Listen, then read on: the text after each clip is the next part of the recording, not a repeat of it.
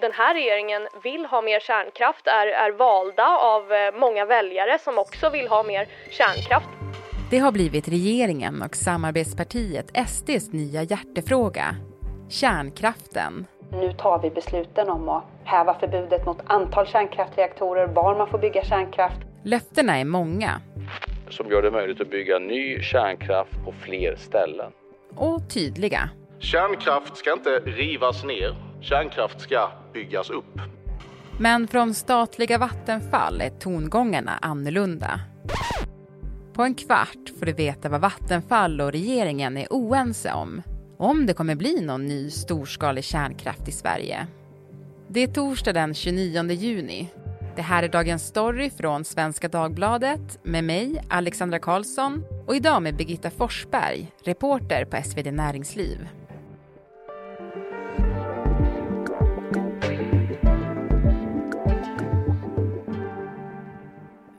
Ja, ska vi köra?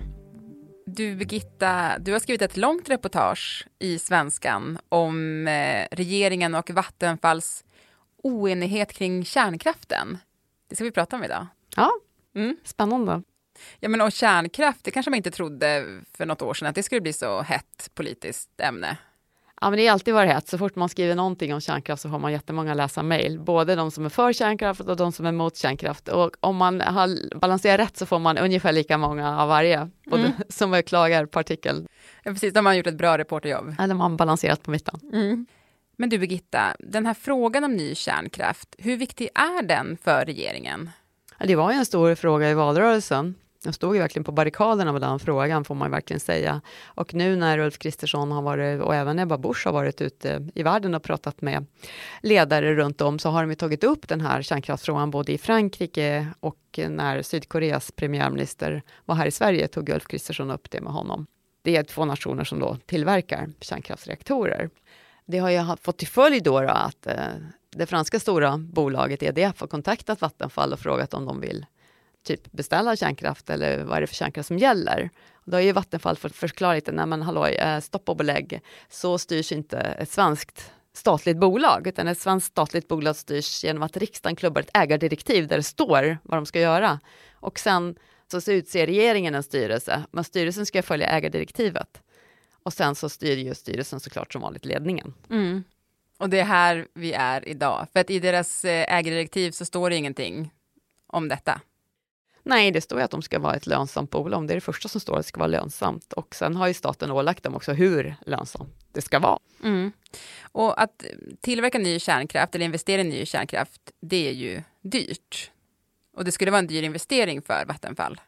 Ja, det i Europa har ju kostnaderna skenat. I Storbritannien, Hinkley Point C och i Frankrike, Flamanville 3 då, då har blivit vansinnigt dyrt. I Storbritannien kostar det 425 miljarder kronor beräknar man nu och det är nästan halva Sveriges statsbudget för två reaktorer, två konventionella stora reaktorer då. Det är enorma pengar. Mm. Och regeringen vill inte ge de pengarna till Vattenfall eller?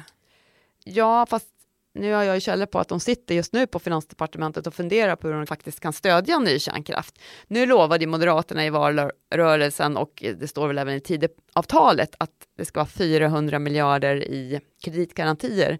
Men eh, dels har Vattenfall svårt att utnyttja sådana på grund av hur de lånar pengar och dels är det, det är bara lånegarantier så att säga, det är ju inte riktiga pengar på det sättet. Så att de funderar också på hur man kan göra på annat sätt. Det finns ju en annan diskussion att man kanske kan ge kärnkraft mer betalt för att den bidrar till stabiliteten i elnäten till exempel. Och då kan man ju ändra elmarknaden. Det finns en sån utredning. Mm. Um, det jag tänkte på när jag läste ditt eh, reportage, det är ju att det känns lite som att regeringen inte riktigt haft koll på att Vattenfall styrs då via en, ett ägardirektiv och en styrelse och inte direkt via politiker. Vad tänker du om den tolkningen? Det är, det är faktiskt både sant och osant för att traditionellt så har Vattenfalls ledning varit som lutande tornet i Pisa, lutat rakt in i, i regeringskansliet egentligen alltid. Det är som liksom lyssnar väldigt på sittande regering då.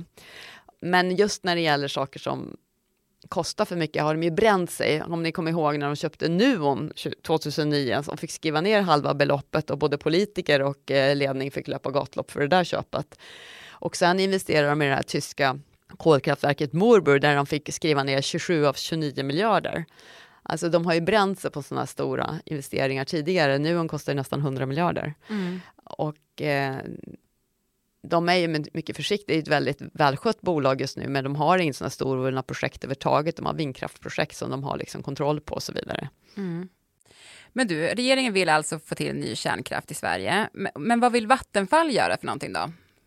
Ja, men alltså de försöker ju förankra, de vill, har ju sagt, de vill ha en bred politisk eh, överenskommelse, för det här är ju ett beslut som sträcker sig över hundra år det blir så att dels så ska man då projektera, få tillstånd, bygga och så sen ska man driva dem 60 till 80 år, så ska de avvecklas och ska det vara slutförvaring av avfall. Så det är ett hundraårsprojekt tycker Vattenfall och de vill jättegärna ha en bred politisk överenskommelse.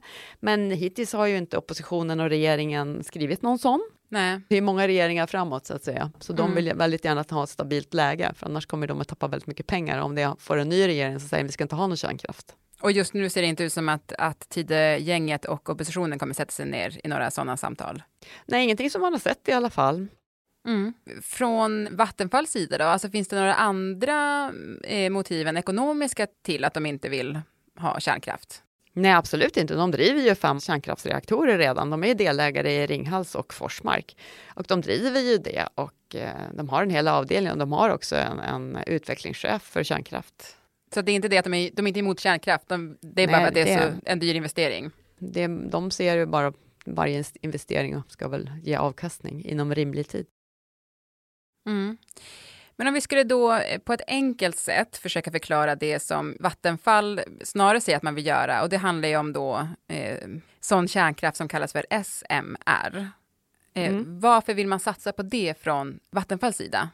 Ja, det står ju för små modulära reaktorer och de byggs i moduler, så de ska alltså vara billigare att bygga. De är mindre också än vanliga konventionella kärnkraftsreaktorer.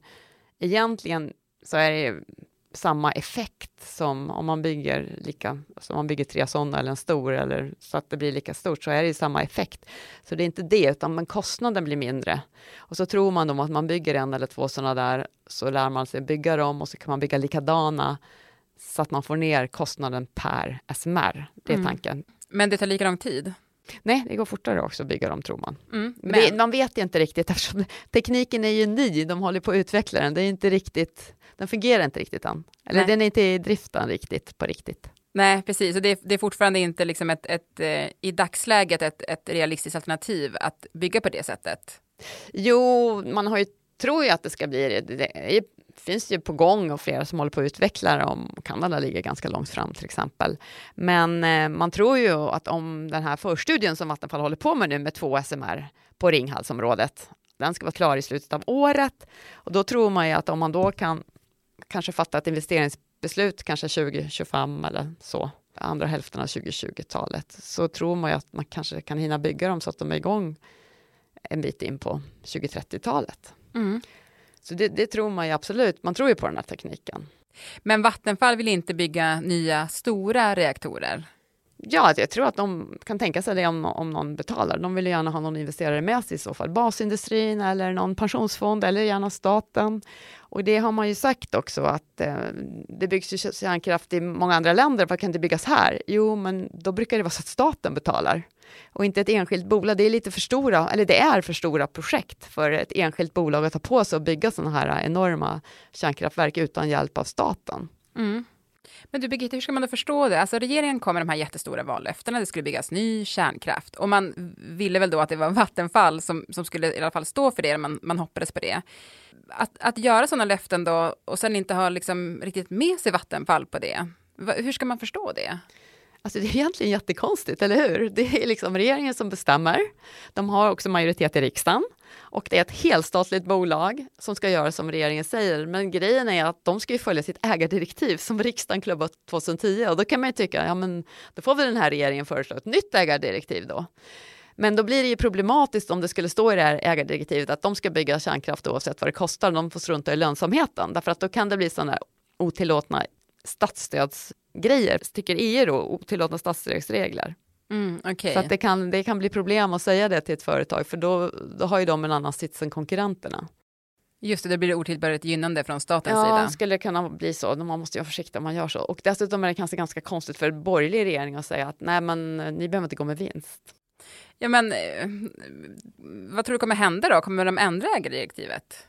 Nej, jag tror att det kommer bli något form av statligt stöd helt enkelt. Det är väl det enklaste. Ja, det kan de ju också göra. De kan ändra ägare, de kan skriva om det på vissa sätt. Men jag tror inte de kommer säga att det, det sa ju Elisabeth Svantesson tydligt i artikeln också, att de vill ju att Vattenfall ska vara ett lönsamt företag. Så just det tror jag inte kommer att ta bort. Men de kan ju skriva om det på ett annat sätt, att de även ska bygga kärnkraft kan de ju skriva in.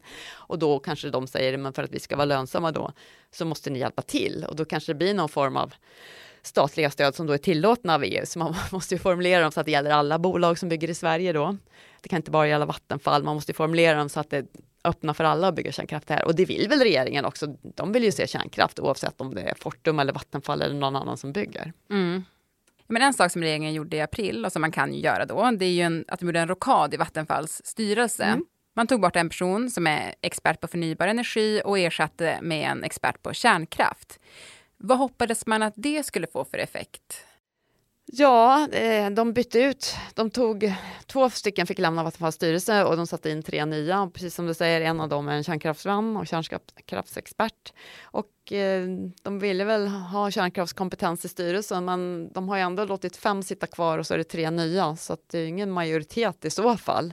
Och en styrelse ska ju alltid se till bolagets bästa hela tiden och inte bara driva egna frågor. Och eh, han har ju själv sagt, den här nya i styrelsen som är kärnkraftsvän då, att, eh, att man måste se på den politiska risken. Om man, och det, det är olönsamt att investera i kärnkraft de första 15 åren.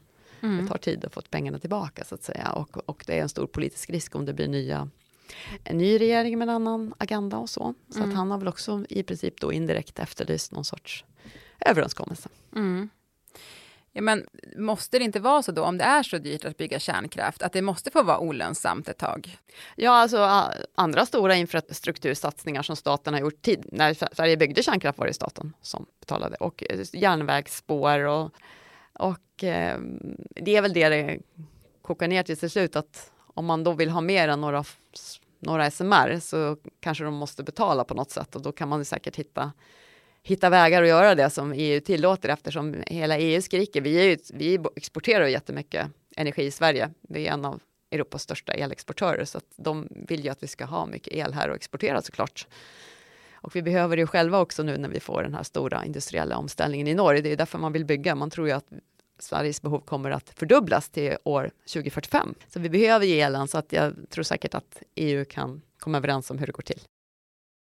Mellan Tidöpartierna, alltså regeringen och Sverigedemokraterna, så har man ju också i Tidöavtalet eh, sagt att man ska utreda vad som skulle krävas för att återstarta Ringhals 1 och 2. Men det gick inte att göra, sa man sen.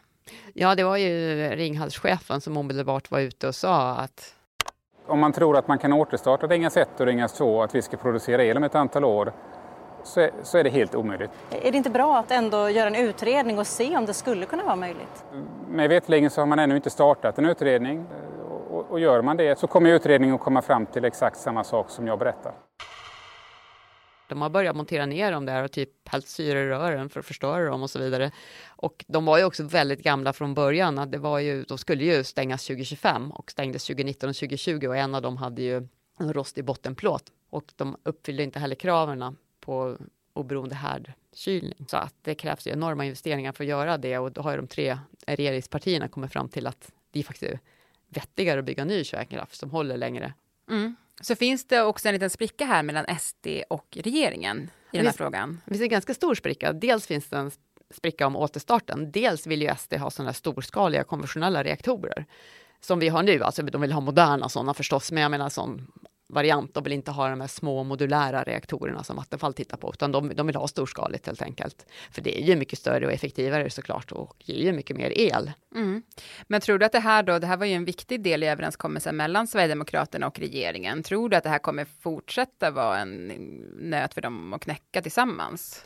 Ja, det tror jag verkligen, för just nu håller de ju på och dividerar om hur det ska tolkas det här Tidöavtalet. SD är inte nöjda med att det skulle tolkas och SD vill också styra Vattenfall mycket hårdare än vad regeringen vill. Mm. Och vill ju ha ett nytt ägardirektiv vad jag förstår, där det står tydligt vad de ska göra. Mm. Du Birgitta, vad har du lärt dig mest av att skriva det här reportaget? Ja, men det, alltså det, det är ganska intressant tycker jag. Man tycker själv att ja, men de heläger ett företag, hur svårt kan det vara? Ja, svårt. Ja, kontentan, det är svårt. Du, eh, det här reportaget kan man ju läsa på svd.se. Det finns ute nu. Tack så jättemycket Birgitta. Ja, tack själv för att jag fick vara med.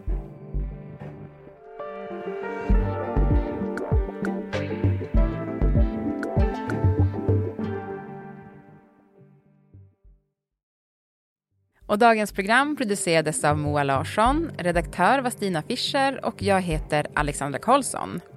Vill du kontakta oss så mejla till dagensstory.svd.se. Och klippen i programmet kom från Aftonbladet, Expressen, Sveriges Radio, SVT och TV4.